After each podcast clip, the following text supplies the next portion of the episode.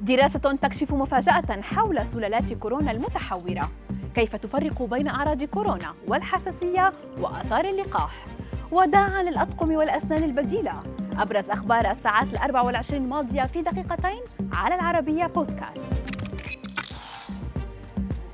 لاكتشاف مقدار الحماية المناعية ضد أي من المتغيرات الجديدة التي يوفرها التطعيم أو عدوى سابقة اختبر فريق من معهد باستير في فرنسا. الأجسام المضادة في الدم من الأفراد الذين تم تلقيحهم مؤخرا بجرعتين من لقاح فايزر ومن آخرين أصيبوا بعدوى المتغيرات الأقدم.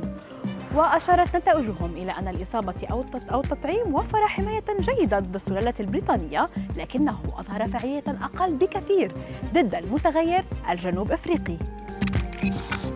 أصبح من الصعب معرفة الفرق بين الحساسية الموسمية وعدوى فيروس كورونا والآثار الجانبية للقاحات لكن كبير المسؤولين الطبيين في موقع الرعاية الصحية ويب وضح الفرق.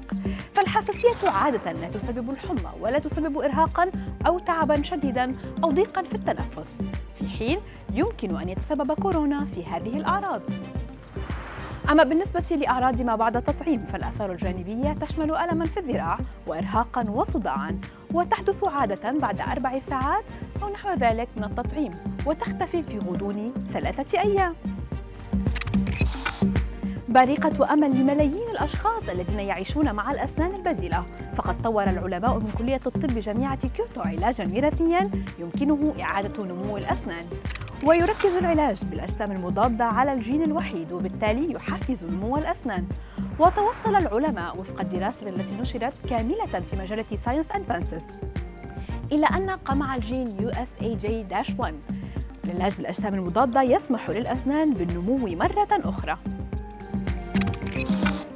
مع استمرار حملات التلقيح في البلاد زفت السلطات الصحية الأمريكية نبأ سارا للأشخاص الذين تلقوا اللقاح ضد فيروس كورونا بشكل كامل.